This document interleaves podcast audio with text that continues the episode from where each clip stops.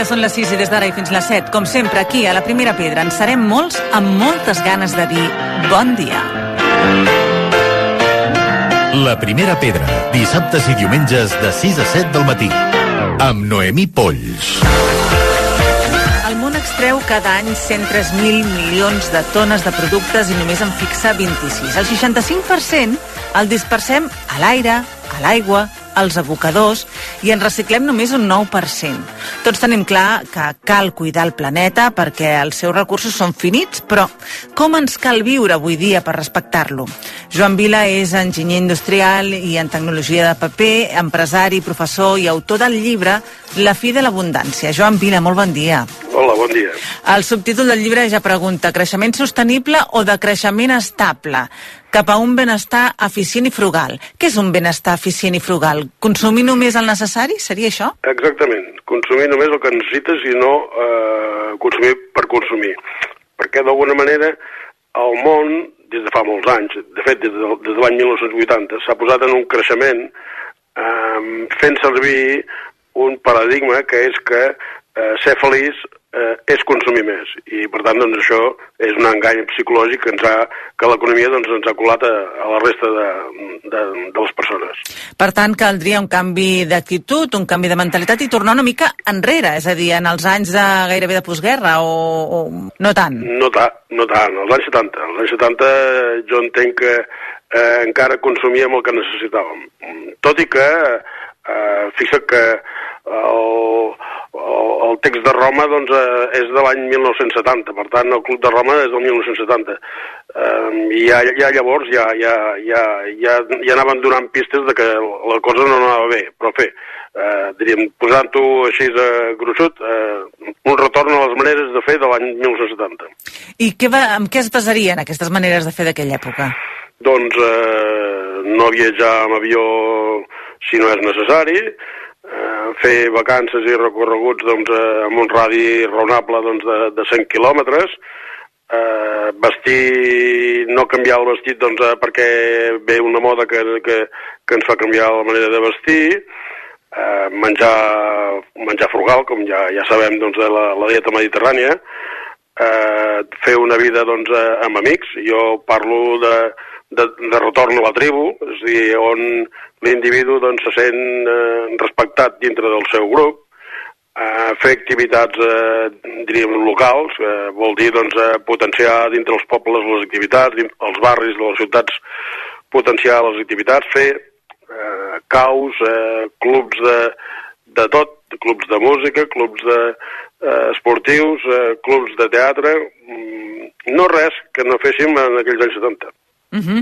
Parleu també de millorar la productivitat, però aquesta productivitat, si la millorem, produirem més? O no es tracta d'això sí, tampoc? No, eh, és que és clar, eh, hi ha un... No, no, hi ha una... Està bé això, està, hi ha una confusió eh, amb la paraula productivitat. Uh -huh. Um, de fet, diríem, tothom entén productivitat a produir més coses per càpita, uh -huh. vale? Però quan jo parlo de productivitat parlo del PTF, que vol dir productivitat total dels factors. I aquesta productivitat no depèn de la quantitat de deute o de diner que injectem en el sistema, sinó que depèn del que és capaç de desenvolupar la tecnologia. Per exemple, eh, és, és evident de que el telèfon, el telèfon mòbil, eh, el telèfon intel·ligent, doncs, eh, ens ha portat doncs, un augment de la productivitat. Eh, està claríssim que la intel·ligència artificial ens aportarà un, un augment de productivitat. Eh, les renovables eh, ens aportaran un augment de productivitat. El cotxe elèctric ens aporta un augment de, de, de la productivitat. Eh, la bomba de clons aportarà eh, un augment. Eh, la proteïna artificial i la proteïna vegetal ens portarà un augment de productivitat. Però aquests augments de productivitat són realment petits. Són, eh, Catalunya han sigut en els darrers eh, 20 anys de, del 0,12%, eh, lluny del 3% o el 4% que crescut l'economia. Eh, clar, eh, viure amb un creixement eh, proper a zero, és a dir, molt petit, basat només en la productivitat, diríem que és capaç de desenvolupar la intel·ligència, eh, doncs és un canvi de paradigma important. Eh, I això doncs, porta a haver de canviar els hàbits de, de consum. Uh -huh. És a dir, però, eh, consumir menys, però mm, de més qualitat. Uh, per Evident. exemple, eh, en comptes de comprar un cotxe qualsevol, comprar un cotxe uh, que sigui elèctric. O... O, o, o, o, no comprar el cotxe. O no és comprar dir, el cotxe. Sí, sí, no, no, és que és possible, diguem, el cotxe compartit és una, és una acció, Mhm. però eh, quan parlem del cotxe elèctric, parlem també del cotxe elèctric autònom de flota. Què vol dir? Doncs eh, que això serà fàcil a les ciutats, vol dir que, doncs, una espècie de taxi, eh, diríem que anirà sense conductor. Eh, I per tant, doncs, eh, treballarà doncs, eh, 20 hores eh, al dia. Um, bé, eh, això veurem com ho integrem a, a, a, amb, amb el conflicte, diríem, amb els taxis, però és que això passarà amb els, amb els, eh, amb els conductors de camions, amb els, amb els conductors de repartiment. Uh, ens ve un canvi cultural gruixut, gruixut eh? Tot- Uh, I això porta, això porta diríem, conseqüències uh, que és, uh, d'alguna manera, el que acabo, diríem, fet dient en el llibre, tot això porta conseqüències de tenir menys treball. I això, doncs, eh, ens porta a, revertir, a haver de repartir el treball, a haver de viure amb menys ingressos i, per tant, doncs, el conflicte major de tot plegat de tot això doncs és un habitatge que no podem pagar. Clar, eh, al final també acabem amb una lluita de classes, és a dir, la classe més baixa potser seguirà patint més, fins i tot? Mm, bueno, eh, una de les coses que jo proposo en el llibre és justament eh, fugir de la renda bàsica perquè em fa por que aquesta renda bàsica porti a la gent doncs, a, a estar, diríem, a, a marginada de la societat i a caure doncs, en el món de la droga com, com, com està passant una mica als Estats Units. No? um, jo proposo, jo proposo donar feina a tothom. És a dir, en lloc de donar subsidis, donar feina a tothom. Eh, això passa, doncs, per eh, haver de repartir-se el treball. I aquesta cosa doncs, no és fàcil. Eh, repartir el treball i donar treball, eh, diríem, de, de baixa qualitat a qui no pot tenir més treball de, de, de, o que no pot, diríem, eh, donar més qualitat en el treball, és una tasca difícil. Jo parlo de dos sistemes, un que se'n diu flexiseguretat i un altre que es diu treball garantit per resoldre tot això. No? Però el que es tracta és que tothom, tothom, tothom treballi. Eh, treballar, diríem, eh, fa que l'individu doncs, eh, eh, tingui, eh, eh, recuperi la dignitat, eh, que se senti útil a la societat. Eh, per tant, doncs, eh, és el millor antídot contra la marginalitat. Uh -huh. uh, de fet, eh, parla de uh, renovables, mobilitat també renovable, bomba de calor, ara ho deia. Bomba de calor vol dir que uh, a nivell particular i a nivell industrial. Sí, sí. Bueno, a nivell industrial tenim un problema amb la bomba de calor que és que eh, té un límit en quant a la temperatura màxima que pot aportar. Clar, una cosa és, eh, diríem, climatitzar eh, a 20, a 20 i pico graus o a menys sec, ai, a 7 graus o fins i tot a, diríem, a, per sota zero eh, i una altra cosa és eh, doncs, obtenir temperatures doncs, de, de 400 o 500 graus. Això és més complicat i això doncs, ens, ens, ens força a fer eh, altres deures que ara no estan fent.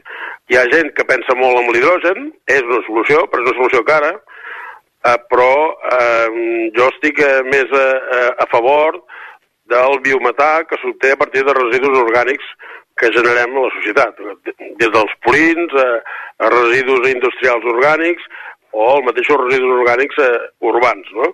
Nosaltres eh, a, a, a la fàbrica on ara m'està trucant eh, utilitzem eh, biometà que ens ve d'una granja que tenim a, a 19 quilòmetres de distància. I, I a mi em sembla que això eh, és una solució eh, potent que resol una part, diríem, els residus i per un altre costat doncs, ens resol un problema industrial important. Per tant, per fer tots aquests canvis eh, a nivell industrial, però sobretot també a nivell particular, perquè pensem moltes vegades en l'actuació individual, és evident que també caldria una implicació del govern, perquè fan falta recursos per tot això. Bé, eh, els recursos no han de venir tots només eh, de subvencions, sinó que els recursos eh, poden venir de la mateixa economia. Eh, per què, ho ente- per què s'entengui bé? Avui eh, generar gas metà costa entre 60 i 80 euros eh, al megawatt hora.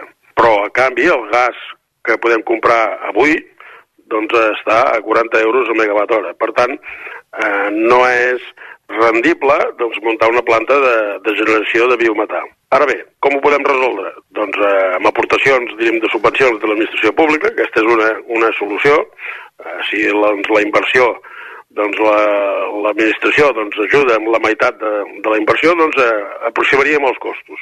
Però hi ha una altra manera de fer, que és apujar el preu de la tona de CO2. Si posem el preu, ara el preu de la tona de CO2 en el mercat està a 85 eh, euros la tona de CO2. Si, aquesta, si aquest preu el posem fins a 200 euros la tona de CO2, eh, el preu, el cost del gas eh, de 40 doncs passa a ser doncs, eh, entre 60 i 70 euros i fem rendible eh, l'activitat de, de, del biometà. Aquest mecanisme, aquest mecanisme ja existeix, eh? i amb el mercat de CO2 existeix i, i, hi ha tota una sèrie de, de sectors industrials doncs, de que estan obligats eh, a, a ser-hi, eh? entre ells la generació elèctrica, o la siderúrgia, el ciment, el paper, el, eh, la ceràmica. Aquest és un mecanisme que faria, fa que l'economia, doncs, eh, per ella sola, doncs, vagi resolent els temes. Què passa? Que fer això implica eh, que eh, la inflació puja.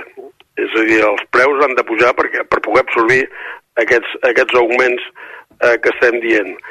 Eh, I això, doncs, eh, en aquest moment a l'economia doncs, eh, doncs no li agrada. Eh? I, per tant, eh, hi ha molts frens eh, a l'economia eh, europea i, evidentment, eh, a l'americana i a la japonesa i a la xinesa, eh, perquè eh, aquest mecanisme d'augmentar tant el preu del CO2 doncs, eh, eh, s'arribi a practicar. Però és que no hi ha solució. És, a dir, eh, si triem la via de que sigui el sector públic el que aporti eh, una part de la inversió, el sector públic s'ha d'endeutar. I endeutant-se està fent que també eh, a través del banc, eh, del banc Central Europeu, que ha de generar més diner, doncs eh, està fent també que la inflació pugi. Per tant, les dues vies ens porten a que la inflació ha de pujar. I no hi ha gaire més solució. És a dir, és el que tenim. O resolem el canvi climàtic o no resolem, però sigui la via quina sigui, és dura. És una via, diríem que no és de, de plaer, sinó que és eh, exigent. És una, és una via que ens, ens obliga a reconduir els nostres hàbits de consum. Uh No és un camí fàcil, que passa també, per exemple, pel consum, eh, en el cas de l'alimentació, de proteïna no animal. Però sí, sí, sí és així. Eh, eh, la proteïna segurament no animal, la de fermentació, eh, serà més barata que la proteïna animal. Però fixis, eh, diríem, eh, no fer els deures i deixar que el, el canvi climàtic vagi eh, avançant ens porta que les collites són, són cada vegada més difícils i per tant els preus eh, més alts. I això anirà increixent, és a dir, això, això no, no frenarà. Eh, ja no li dic res del que, del que pot passar amb, amb l'aigua. Eh? Fem el que fem, serà dur. I per tant, el que és millor és anticipar les accions i no deixar que es vagi podrint, diríem, el, el, el, camí que anem fent. Doncs, com dèiem, un camí dur, però que és necessari. Aquest, la fi de l'abundància, eh, que parlàvem ara, és aquest llibre eh, de l'editorial Icària, eh, de l'autor del qual és en Joan Vila, i avui hem volgut comentar justament amb ell aquest creixement sostenible o de creixement estable, aquesta pregunta que es fa i cap a un benestar eficient i frugal, que és la intenció d'aquesta tesi. Moltíssimes gràcies, Joan Vila. Gràcies a vosaltres. La primera pedra, dissabtes i diumenges de 6 a 7 del matí. Amb Noemí Polls.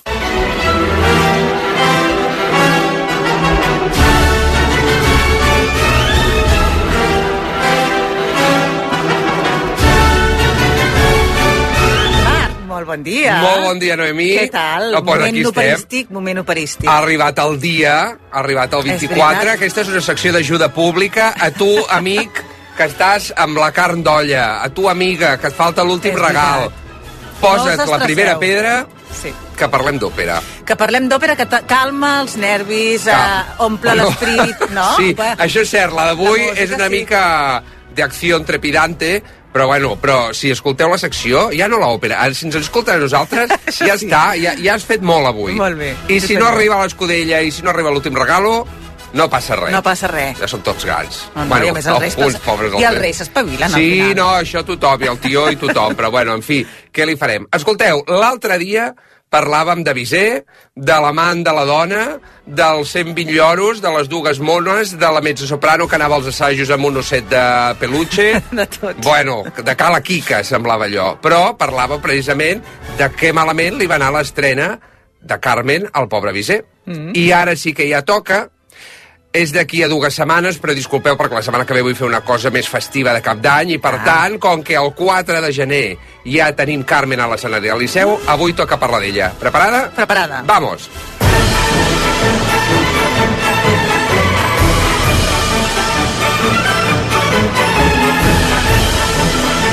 Que t'agrada, Carmen. A mi em xifla. Xifla. Jo, Carmen, quan s'acaba, li podria dir a tothom ara, 5 minuts, i tornem a començar, i m'hi quedava. Mira com t'ho juro, m'agrada M'ho crec, moltíssim. I ara em diran, ai, que bàsic, ai, que no sé què. De fet, mira, aquesta secció li dedico a la meva querida del Liceu, però jo tinc querida, reivindico la Ah, bé. que es diu Ferran, i ahir m'estava dient que Carmen va... Bueno, bueno, bueno, bueno, bueno. No, no, no, no, no. Carmen és molt xula, Ferran, jo dic aquí davant de, de tota Catalunya i tot el planeta. I ja està, i anem a parlar de què va Carmen. Molt bé. Bueno, Carmen va la història d'un bon noi, que és el tenor, el Don José, que coneix, i ara no caurem en la trampa i direm, ui, una noia dolenta, una fem fatal, una gitana, no, i no, ta, no, ta, aquest ta, ta, discurs ja no que és la Carmen. Això, que li enxufin a una altra, que nosaltres som dues modernes. Una dona tremendament atractiva. Tremendament atractiva, tremendament moderna per la seva època, perquè estem a la Sevilla del 19, i bueno, què és el que passa? En el primer acte ens fan una mica de contrast i la novieta que té el Don José, que és la Micaela, la soprano, doncs va per allà dient-li, ai, la teva mare, és que ai, trobat a faltar, perquè tal i qual, i ell diu, ai, la mare, com l'estimo. Ell ja vol deixar clar amb aquesta panòplia que és un bon nano, que és tal. I llavors, clar, apareix a la Carmen i canta això tan famós que diu així.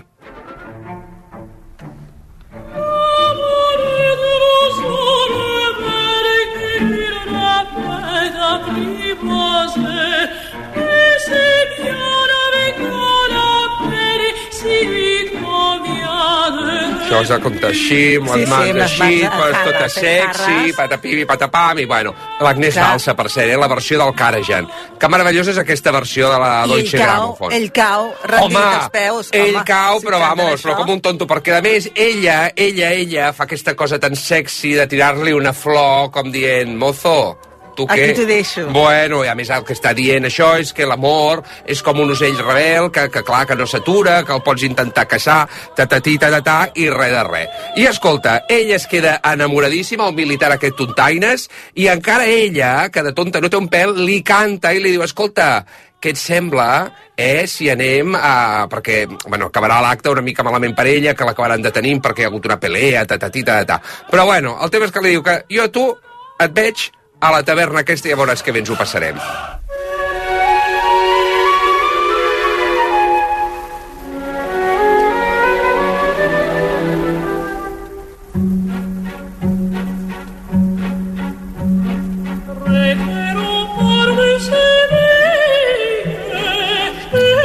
I es troben, la cita la compleixen. Home, i tant! I això passa al segon acte, però mira aquests vents, eh? Quina cosa tan mistèrica li fa, com de dir, ui, ella és com una encantadora d'aquestes que xt, et deixa allà hipnotizado i miau, i causa les redes. Bueno, en qualsevol cas, sí que el segon acte, que ja comença la degradació d'aquest pobre noi, es trobaran a la taverna, ell ha hagut de passar un temps a la presó, ell, perquè l'ha deixat d'escapar a ella. I clar, això als altres militars no els hi ha fet gaire gràcia. Bueno, en fi, que les Un coses ja detall, van un detall. pel pedregà.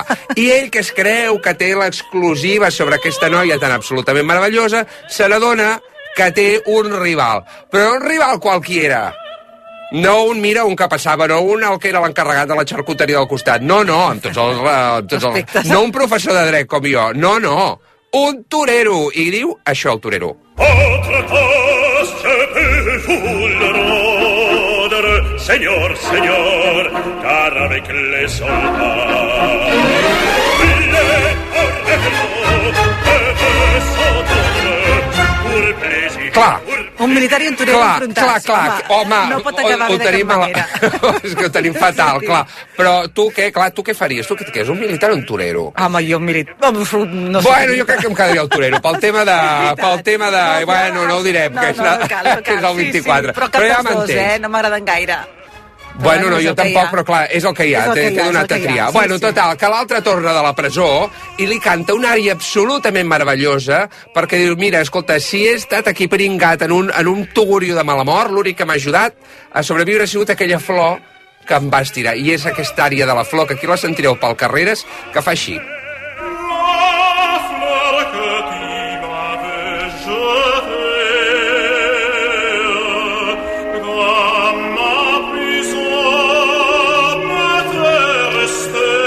Cert, moment anecdòtic, moment, una de les grans versions que va fer que el Karajan s'enamorés perdudament de- d'en Carreras, perquè, poca broma, el romance que tenien. I una de les coses que el va enamorar més i que sempre li deia al Karajan, això ho has de fer sempre quan cantis, és aquest final de l'ària que escoltareu ara. Escolteu.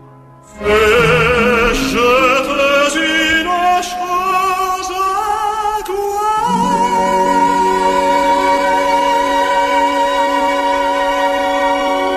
Bueno, mira, És que... pell de gallina. Per què? Perquè tots els tenors això ho feien un buà, i clar, i escolta, I el Carreras li va donar per fer aquesta cosa i va crear escola, tu, i el Cara ja Ah, li va sí? dir, això ho has de fer així, perquè el personatge li queda molt bé com aquesta cosa de dir... Molt més dolç, molt més Home, sentiment. evidentment, ha estat dos mesos tancat a la presó esperant, i bueno, total, que escolta...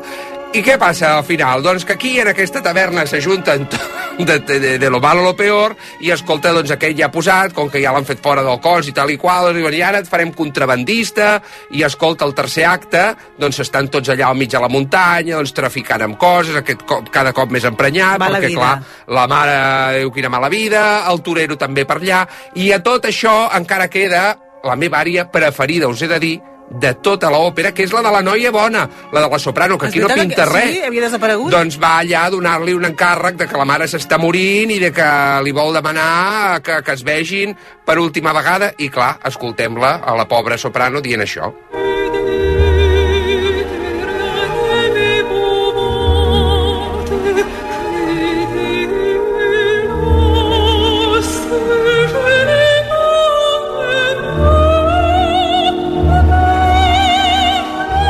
jo, que estic cagada de por al mig del bosc, però jo he dit que li donaria aquest missatge al meu Pobret. Bueno, no sé si encara sap que és gaire nòvio o no, però bueno, el que sigui.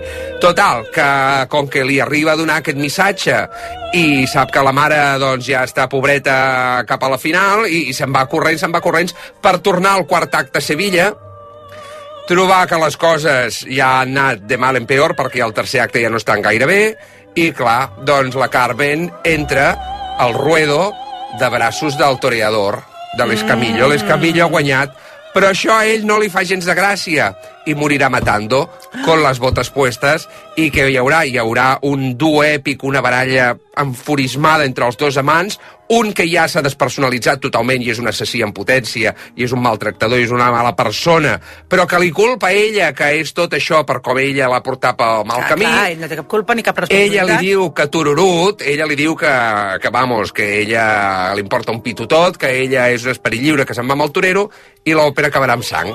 I acabarà, com sentirem ara, mal. Malament, doncs mira, però sona, però sona bonic. Però sona preciós. I Sona escolta, preciós. i que... I l'òpera és així? I que l'òpera és així, i que, i, que és, i que és el 24 i el 25 i tot, i tenim Sí, dies per sí, passar-nos-ho sí, bé, sí, i que no sí, passa sí. res, i que I una mica de drama ens agrada. Sí, senyor. Home, escolteu Carmen, si voleu, mentre sopeu, la poseu... Escolta, i si poden anar al al Liceu ja serà Ah, fantàstic. bueno, bueno. És que, a més a més, és la producció del Calixto Vieito. Home, Una de les produccions que té el rècord a la història d'haver girat més per tot el món. doncs mira, Algo, al, por algo serà. ah, exacte. Que diuen. De moment nosaltres ens quedem escoltant-la aquí per la ràdio. Ah, que ens quedem Aquest escoltant el trosset. crim, eh? El que escoltareu és... El final. S'acabó, que el venen ja a buscar ja la matada i, i diu això. Policia, deteniu-me, que he estat jo. Oh, Vaja, bueno, doncs en fi. ens quedem això. Que vagi molt bé. Adéu. Adéu.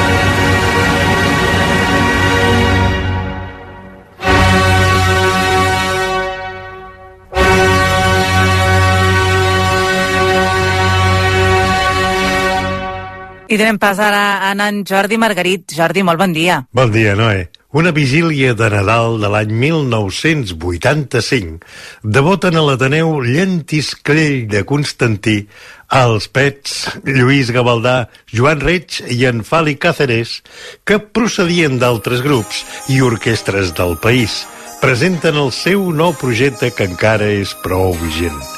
Els pets tocaven mentre a la ràdio aquell dia sonava Say You, Say Me d'en Lionel Richie. Say you, say me, say it together. Dius que em dius que sóc una estrella i per sempre. Això és el que més o menys deia el tema de Richie. A la ràdio d'aquí encara no hi sentíem res dels pets, però els considerats pre-rock català, Double Buble, presentaven el seu Urbi et Orbi. Entre galàxies i mons apagats, entre satèl·lits perduts, la terra i cel unint és paradís, ara que tot ha acabat. Sense aquests i d'altres com en Gai en Gai, no hi hagués hagut la florida de gent com els Pets, Sopa de Cabra, Sau o Sant Traït. Aquell 1985, dues emissores d'àmbit nacional ja competien amb la programació íntegrament en català. Cadena 13 a l'àmbit privat i Catalunya Ràdio des del públic. A la primera, un espai de reminiscències vintage ens permetia escoltar Mari Sampere en un consultori pseudo-sentimental anomenat Estimada Mari. N'escoltem un fragment a partir de l'arxiu sonor de la ràdio de la UAP. Però tu procura dissimular. No, que no se't vegi el lleutó, que no se't vegi el lleutó de les preferències. I si algun dia la petita et trenca els tímpans, no passis la factura de la reparació a la gran, home, no. Ja no ens podrem comunicar,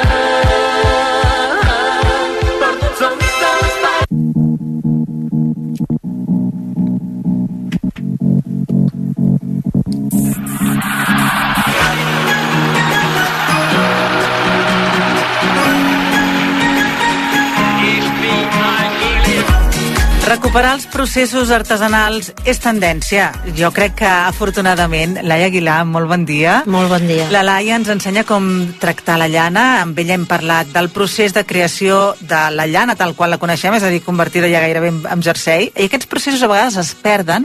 I avui volíem parlar d'un procés que també jo crec que s'està recuperant, però que és una mica desconegut, que com són els tints naturals. Per què és important tenyir amb, amb substàncies naturals? Bueno, més que important o no important, jo penso que és el, la sensació o el benestar que et, et planteja o que et provoca el fet de treballar així.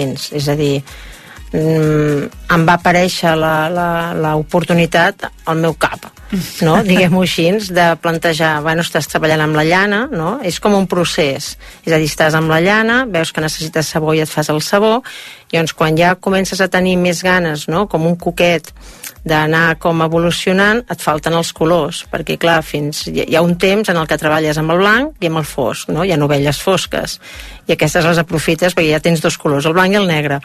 Però quan ja necessites com més variació és quan comences a pensar com pots fer. I clar, vivint a la muntanya sí que és cert que et desperta molt el fet d'aprofitar el, que, el que tenim a l'entorn. El que la natura. clar, ens inspira més poder el fet d'estar fora no? de ciutat, el fet de que tens molta cosa al nostre, al nostre voltant.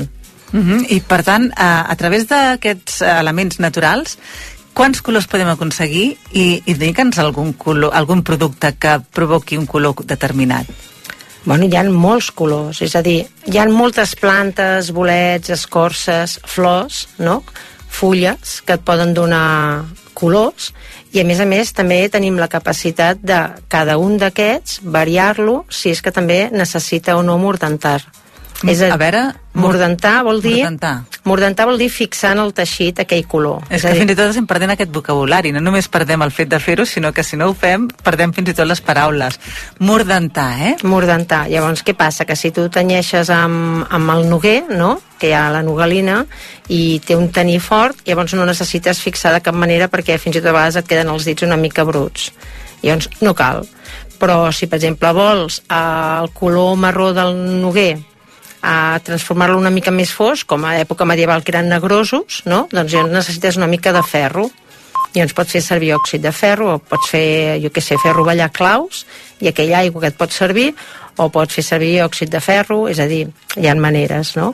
I llavors hi ha altres plantes que sí que necessiten aquest suport o ajuda, no?, de que estiguin mordentades, és a dir, fixades, perquè si no tenyiries i en poques rentades et marxaria el color. Uh -huh. I a vegades és la sal, per exemple, hi ha elements també naturals que fixen aquests colors. Pots, pots uh, fixar amb sal, amb vinagre, per potenciar els colors més roses o vermellosos, tens òxid de ferro, per donar més suport als ocres i a un fosquí, que també té el seu encant per fer colors més tardorals. Tens l'òxid de coure, que el que fa és donar més potents els colors verds, és a dir, i tens l'alum, que és el més bàsic i que és el més senzill, que el que fa és donar el color que dona la planta, no transformes res. Uh -huh. Això pel que fa a la fixació i tot aquest procés de tint, eh, ara parlàvem també d'alguns productes, n'hi ha molts que els tenim, per exemple, a casa, no? És a dir, eh, l'alvocat, eh, la remolatxa, eh, tots aquests productes, la ceba, ens ajudarien a poder tenir un tros de drap que tinguéssim a casa, tintar-los? N'hi ha que ens enganyen. Ah. La remolatxa t'enganya. és que eh, anava a dir, ho vaig provar una vegada amb un drapet i allò no va quedar gaire... No. gaire Queda molt maco quan et taques, però quan ho vols tenyir no, ja tira, no per, tira com un groguenc que no, no hi ha gaire cosa. Sí. La cúrcuma també t'enganya i necessita un procés molt lent perquè també és un color fugaç. És a dir, mm -hmm. tu Mhm. tenyeixes quedes al·lucinada amb el color, però després el deixes estès i després tens una gran decepció. És a dir, que hi ha colors que també està molt bé perquè jugues, proves, i estan bé també, aquests errors són els que fan que se't desperti la curiositat. Però després, com et deia, tens el noguer però tens la falguera, tens els buixacs calèndules tens, què més, les fulles de pastanaga tens la ceba sí que tens l'alvocat que el sistema de fer amb el bocat és poder que aneu menjant el bocat, els netegeu, els deixeu assecar i un dia, quan en tingueu unes quantes, tant de les pells com els ossos, et serveixen, no? Ah, Per- molt bé, Clar. perquè segur que moltes cases, a moltes llars, eh, es mengen, se'n mengen molts, aneu guardant els ossos i les pells i un Clar, dia us poseu a tintar. Clar, llavors amb la pell fas un rosat, amb l'os fas una mica més taronjat, però vull dir que pots anar fent. I tens molts altres colors, moltes altres fulles, la noguerola, jo faig servir molt per estampar més que poder per tenyir, l'auró, és a dir, que tenim un munt de coses de recursos que ens serveixen per tenyir. Clar, perquè ara estàvem pensant amb el tint de la llana, per exemple, agafant tots els colors i tenir eh, doncs, eh, la llana amb les diferents tintades, però també es pot fer un teixit i que quedin les, el dibuix de les mateixes fulles i les mateixes peces que tinten. No? Això és l'estampat, sí. Això és l'estampat. És a dir, una cosa és tintar, que el que fas és fer com una infusió, per dir una manera, no? que no és una infusió, és una tintura, però que llavors tenyeixes, dones color. I l'altra és aprofitar aquestes fulles perquè deixin aquest color, però deixant la seva... Jo sempre en dic una petjada de bosc, no? Perquè és l'empremta de la fulla sobre el teixit, que pot ser des del drap de llana fins i tot amb el cotó o amb la seda. Uh -huh. eh, màgia, és fer màgia, és fer màgia i recuperar aquesta artesania tan i tan nostra, perquè no és nou, però en canvi s'estava perdent i gràcies a la Laia eh, i a gent com la Laia l'estem recuperant. Si algú vol tallers, eh, si algú vol participar amb algun taller d'aquests, eh, com ho troba? On te pot anar? Els tallers, si busquen a Instagram, perquè la web s'està fent. Eh, no, no, ja no Està en procés. Sí, però si aneu a Instagram al Talleret del Clot, allà sempre estan tots publicats, els que es fan als diferents municipis, fins i tot aquí a Barcelona, vull dir que surten tots amb temps com perquè la gent es pugui apuntar. Jo crec que a més d'una ara li han vingut ganes, de, entre ells jo, de tintar i de fer art amb totes aquestes peces naturals. Moltíssimes gràcies, Laia, com sempre. A vosaltres. Gràcies.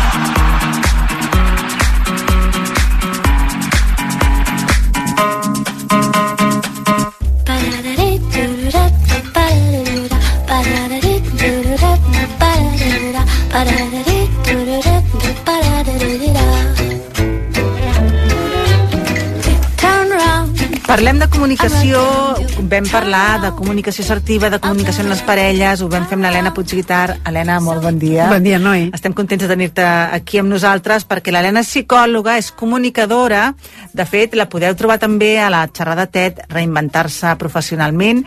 I avui volíem recuperar un tema que vam parlar que era molt important, aquest art de comunicar-se, però vam dir, compte perquè hi ha la comunicació eh, amb les noves tecnologies que ens ha complicat, ens ha facilitat la vida, però també ens l'ha complicat molt. Estaries d'acord amb aquesta doble vessant de les noves tecnologies? És un tema que té molta, molta xitxa, perquè el, el WhatsApp és una cosa que està generalitzat. És veritat que trobes algú de tant en tant que no el té, però per una qüestió ja de punt de Principis. dir no vull tenir WhatsApp i em sembla perfecte, però una gran majoria tenim WhatsApp, jo m'incloc, no? Aleshores, clar, la comunicació ja no és la comunicació de tu a tu. Abans la comunicació com a molt podia ser amb telèfon, no? I no sé si abans de tot amb, amb, amb telegrama, però què passa? Que ara, quan teníem telèfon, ens sentíem. Amb el WhatsApp sí, podem fer àudios, però també tenen particularitats. Perquè no tens la mirada de l'altre al davant, no el tens on, on time, en el moment, no és simultani, no? Aleshores, jo puc parlar com amb una certa distància.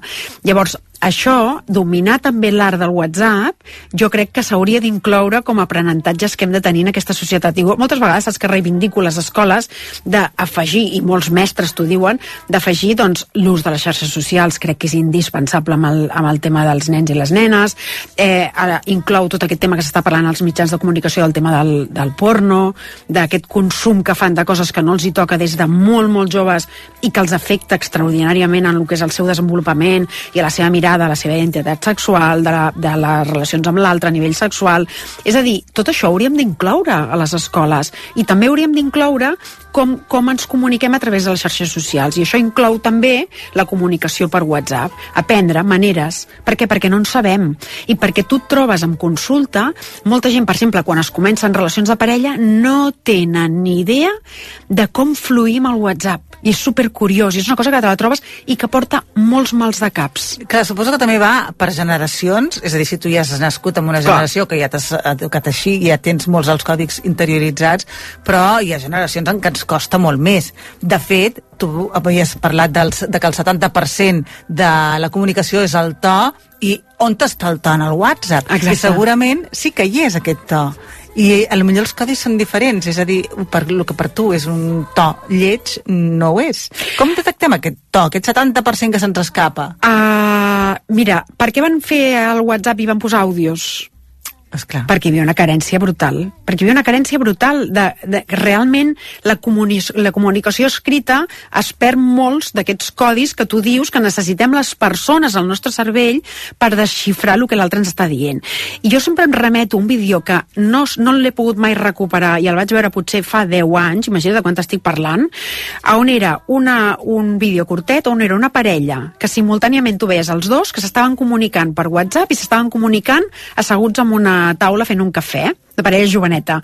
I el WhatsApp reproduïa exactament el que estaven dient a la taula, era molt bo.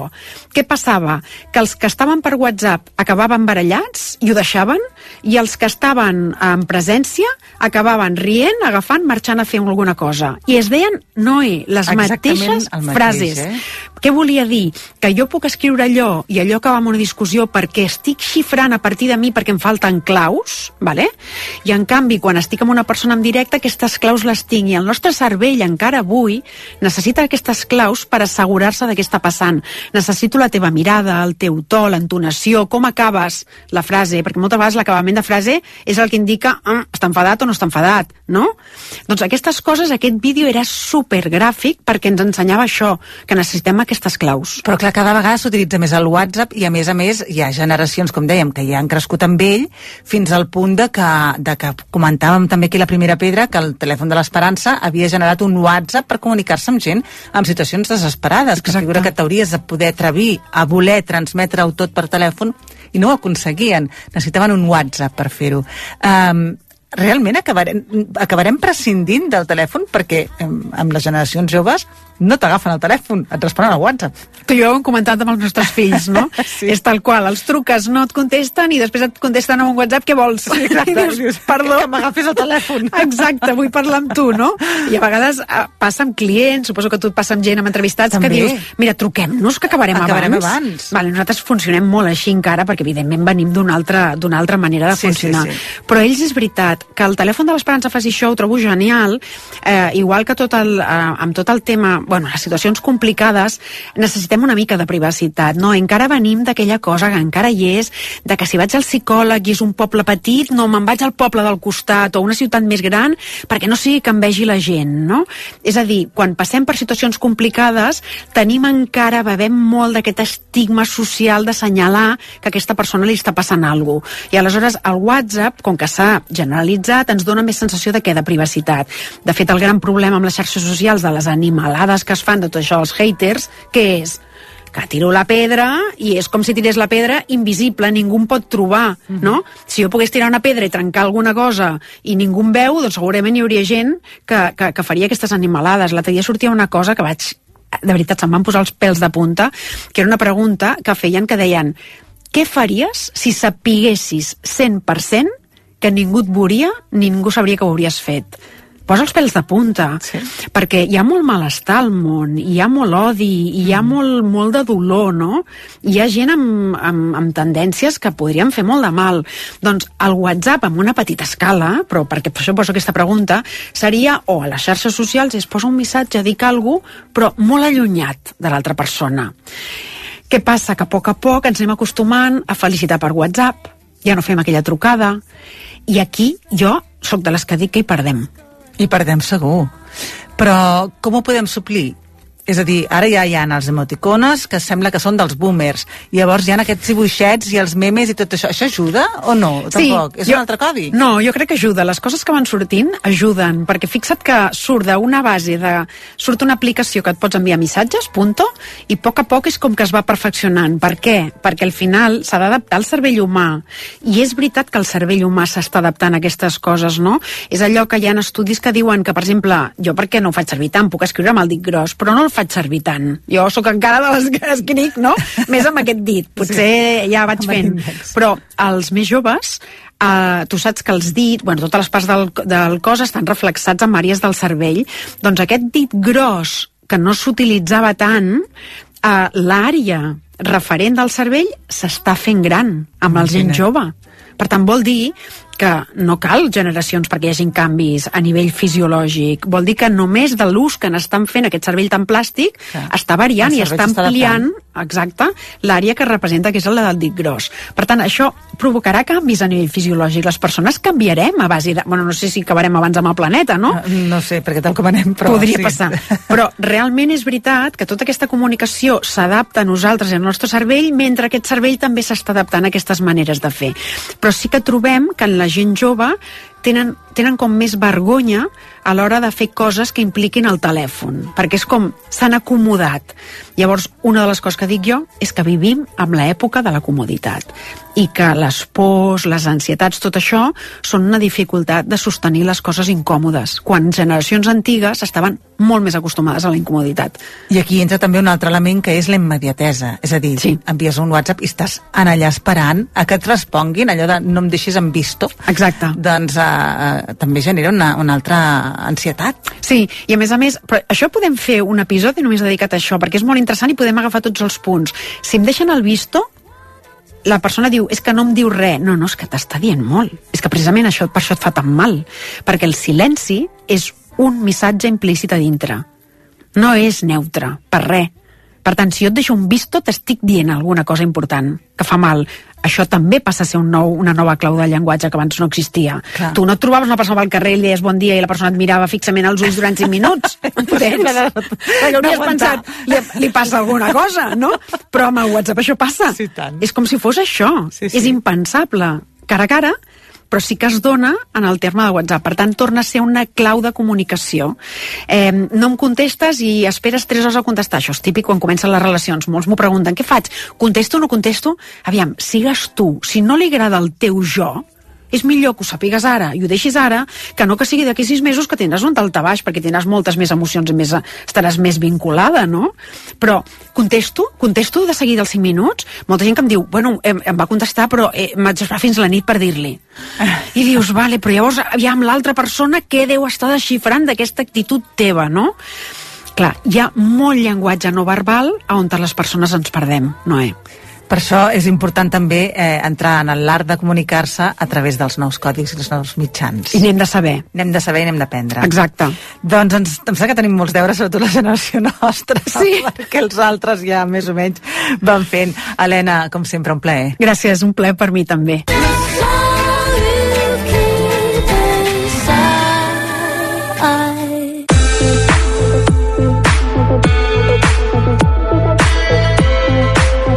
Montse Interiors t'ofereix Cases amb ànima. Doncs sí, ens agrada tenir l'ànima de casa nostra ben cuidadeta i la Queta Xampenya ens ajuda moltíssim. Queta, molt bon dia. Hola, molt bon dia. La Queta està a Immobiliària Kelly, com ja sabem, i Exacte. sempre ens dona molt bones idees, com per exemple, um, escolta'm, cada vegada tenim més llibres a les cases. Sí, sí, sí, home. És, acaba potser fins i tot arribant a ser un problema, no? Bueno, o no, però no, si s'han de tenir fer. a ratlla. Sí, Sí, sí. A mi, per exemple, m'encanta quan, quan tenim un pis per vendre o llogar i, i hi ha vida i, i encara hi viuen els, doncs, els actuals propietaris i podem fer fotos i hi ha molts llibres, trobo que queden precioses perquè Sí. allò fa com llar... Sí, totalment, Que allà eh? hi passen coses bones. Fa companyia, fa molta companyia tenir llibres sí, al sí, costat. Sí. Però és veritat el que dius, que per tenir l'ànima en pau hem de tenir també aquestes llibreries sota ordre, control. sí. I avui, eh, per, per demanar consell sobre això, com, com mantenir a ratlla els nostres llibres, he parlat amb la Lorena Noblom, que ella és directora d'art. Podeu consultar la seva obra i propostes a la web lorenanoblon.com i, a més de directora d'art i de ser una persona amb un bon gust extrem i una sensibilitat brutal, ella és una lectora compulsiva i abans amant d'aquests meravellosos objectes plens de màgia que són els llibres. Li he demanat tres consells per posar en ordre als nostres llibres, perquè sé que ella, que és una persona amb, amb aquesta sensibilitat que us deia i molt bon gust i que té amor per la lectura, tindrà un mètode que, que valdrà la pena tenir present. Val? Doncs vinga, va, Us explica'ns dic que ens ha explicat. Sí, sí. D'entrada, ell em diu que endreça els llibres segons col·leccions i editorials. I per què ho fa així? Doncs perquè el, les editorials, per, a l'hora d'elaborar una, una col·lecció, ho fan seguint un criteri doncs, de contingut, de coherència amb els autors, amb els temes, amb els estils, amb les èpoques, val? i, a més, eh, estèticament, o sigui, nosaltres també recordem un llibre segons doncs, quin és el color del llom o, no? I, o la mida. Hi ha una memòria visual. Exacte, hi ha una memòria visual.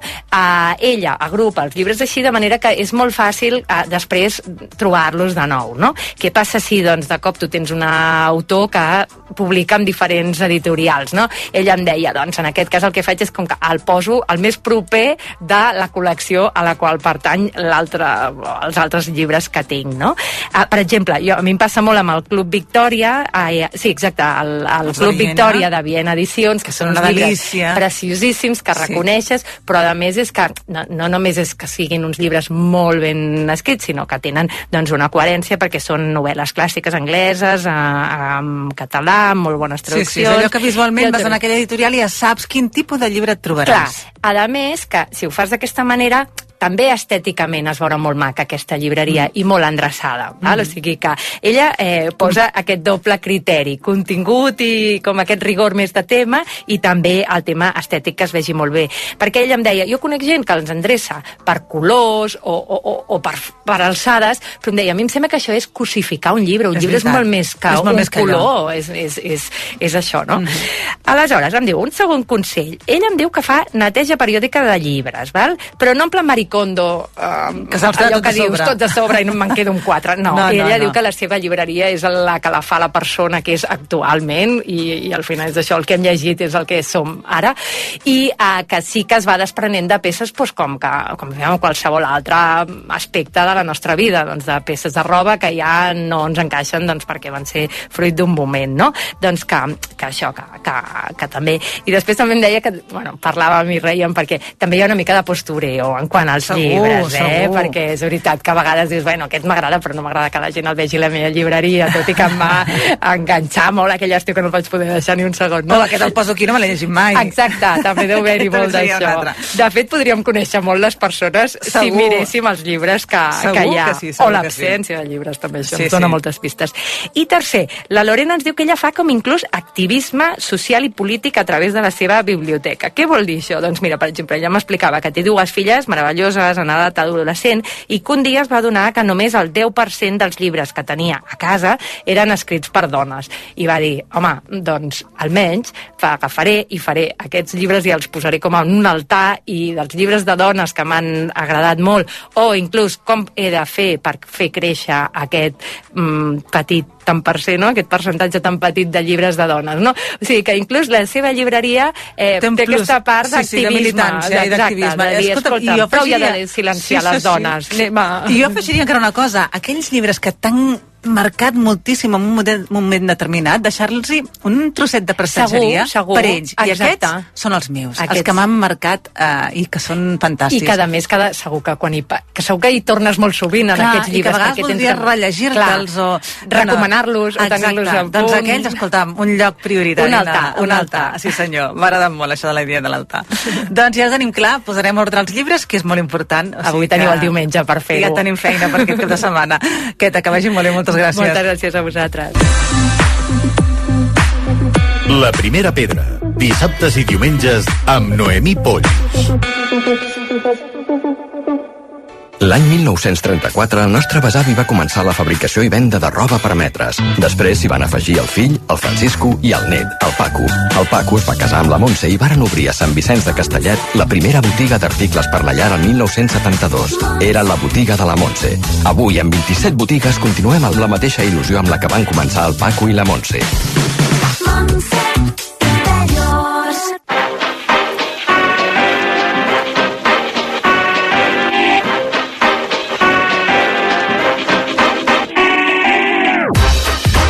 Joan Maria Morros, ganes de veure't avui, que vam dir que parlaríem de sèrie televisiva, i Sí. tu em vas dir, com que són dies de Nadal, i així dic, ah, Sí. serà nadalenca, i em vas dir, No.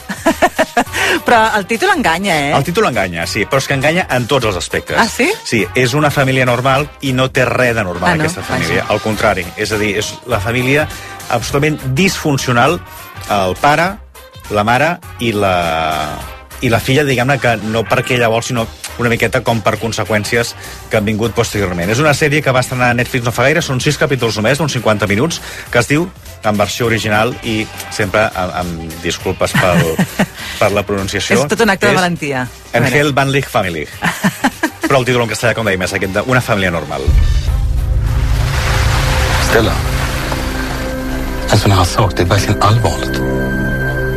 Är det sant?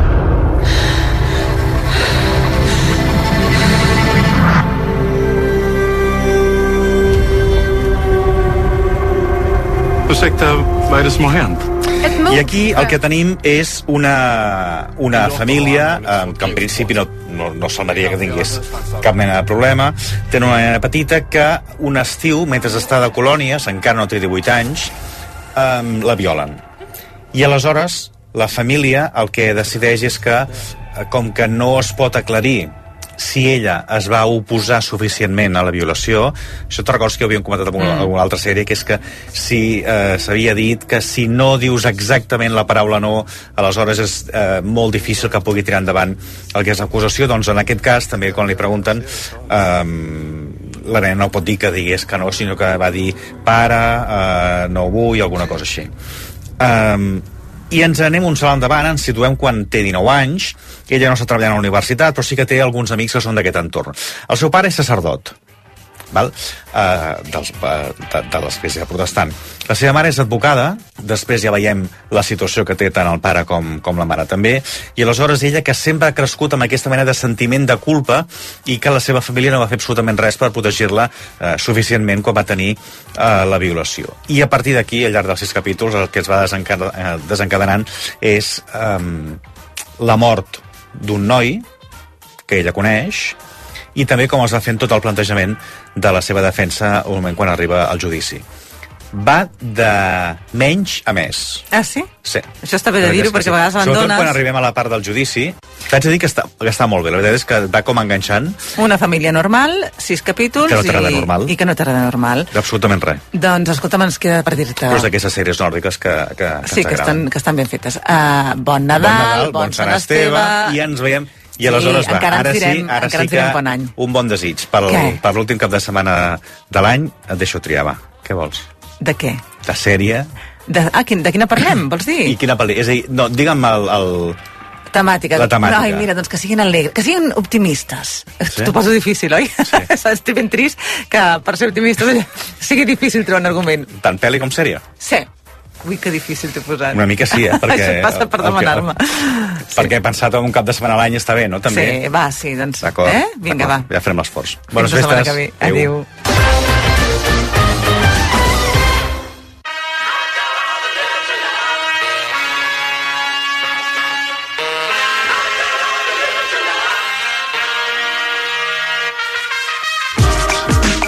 Doncs mira, i arribem al final del Sí. programa. Isabel Vinaixa, bon dia. Hola, com estàs? Molt bé, molt bé. Ja ho tenim, això, eh? Sí, ja estem, ja estem. 24. 24. Demà ja és Nadal. Demà passat Sant Esteve. Eh? Canelons, demà Tot. galets, neules, torrons... Vinga, va. Família. família. Ai, família, família, família. Eh, família, eh? I dius, ai... Ai, que hi haurem de posar musiqueta dolça. Home, clar, que haurem de posar musiqueta. I avui, dia suavitzar-ho 24, tot. he pensat de fer... He fet Què? com un canvi, si em permets. Ah, sí? A veure. Sí, a veure, eh, faig també el, el que és el, el, una nova i una no tan nova de, de Sí. cançó, però en lloc de fer-li cas al Spotify? al Spotify, he passat una miqueta d'ell. Molt bé, em sembla molt bé. No he fet cap descobriment setmanal, no he fet cap cosa, diguem, antiga, sinó el que he volgut fer és donar-li un toc més, més de Nadal. He Ah, volgut posar un parell de Nadales. Ah. I el que he fet és eh, trobar-ne una de, de nova Mm. i una de, de no tan nova. Molt bé. Com una, dos recomanacions, és a dir, una ben diferent de l'altra. Val. I comencem per la Doncs mira, nova? directament començarem per la, per la nova, per un grup que a mi és una banda nord-americana que a mi m'agrada molt i que té un rotllo molt pop, molt indie, jo crec que et pot agradar. Fem play a la primera, si Vinga. plau, a la nova. Snow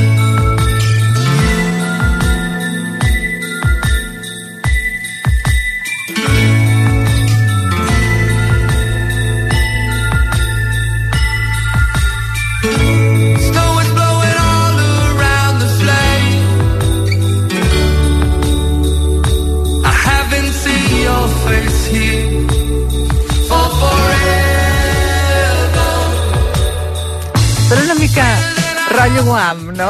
Sí. Sí, Eh sí? a veure, és, uh, és un Christmas, eh? és, és, Sí, són sí. unes Nadales. És un grup, com us deia, que una banda nord-americana de pop indie, que m'agraden molt, no sé, és una... és Ara us diré el nom, eh? tranquils. Però donen molt, de molt bon rotllo i vaig veure que van treure aquesta, aquesta, aquesta Nadala, com us deia, que es diu Perfect Holiday, que és Nadala però no deixa de ser també una mica així popera, no és tan ensucrat com estem acostumats. Eh? El grup es diu Fits and the Tantrums, el tema es diu Perfect Holiday, i la trobo molt, molt maca i he volgut recomanar-la com a un descobriment, per mi no, pels oients. A veure, va, que soni.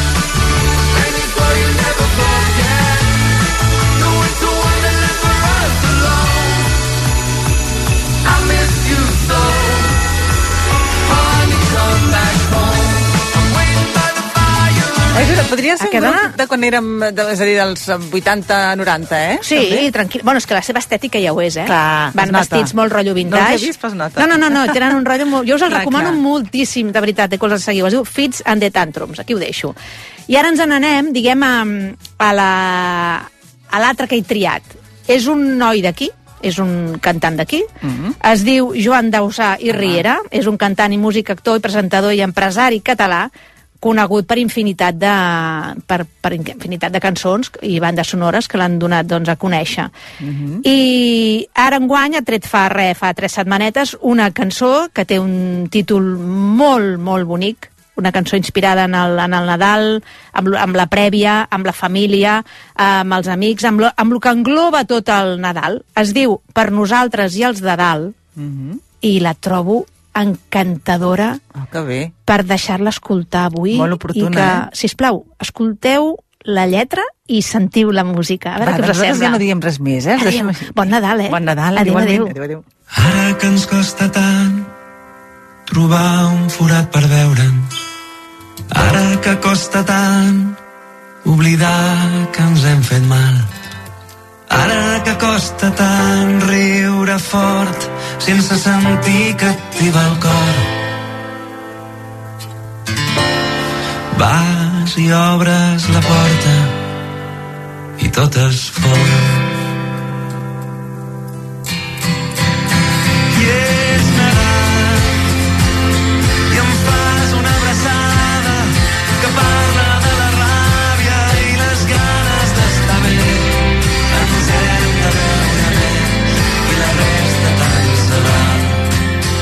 A CaixaBank sabem que acompanyar-te és estar amb tu sempre que ho necessitis. I com que volem que protegeixis el més important, et mantenim el preu de les assegurances de salut i de vida i de l'alarma Securitas Direct sense pujades durant 3 anys. Informa't en la teva oficina o a caixabank.cat.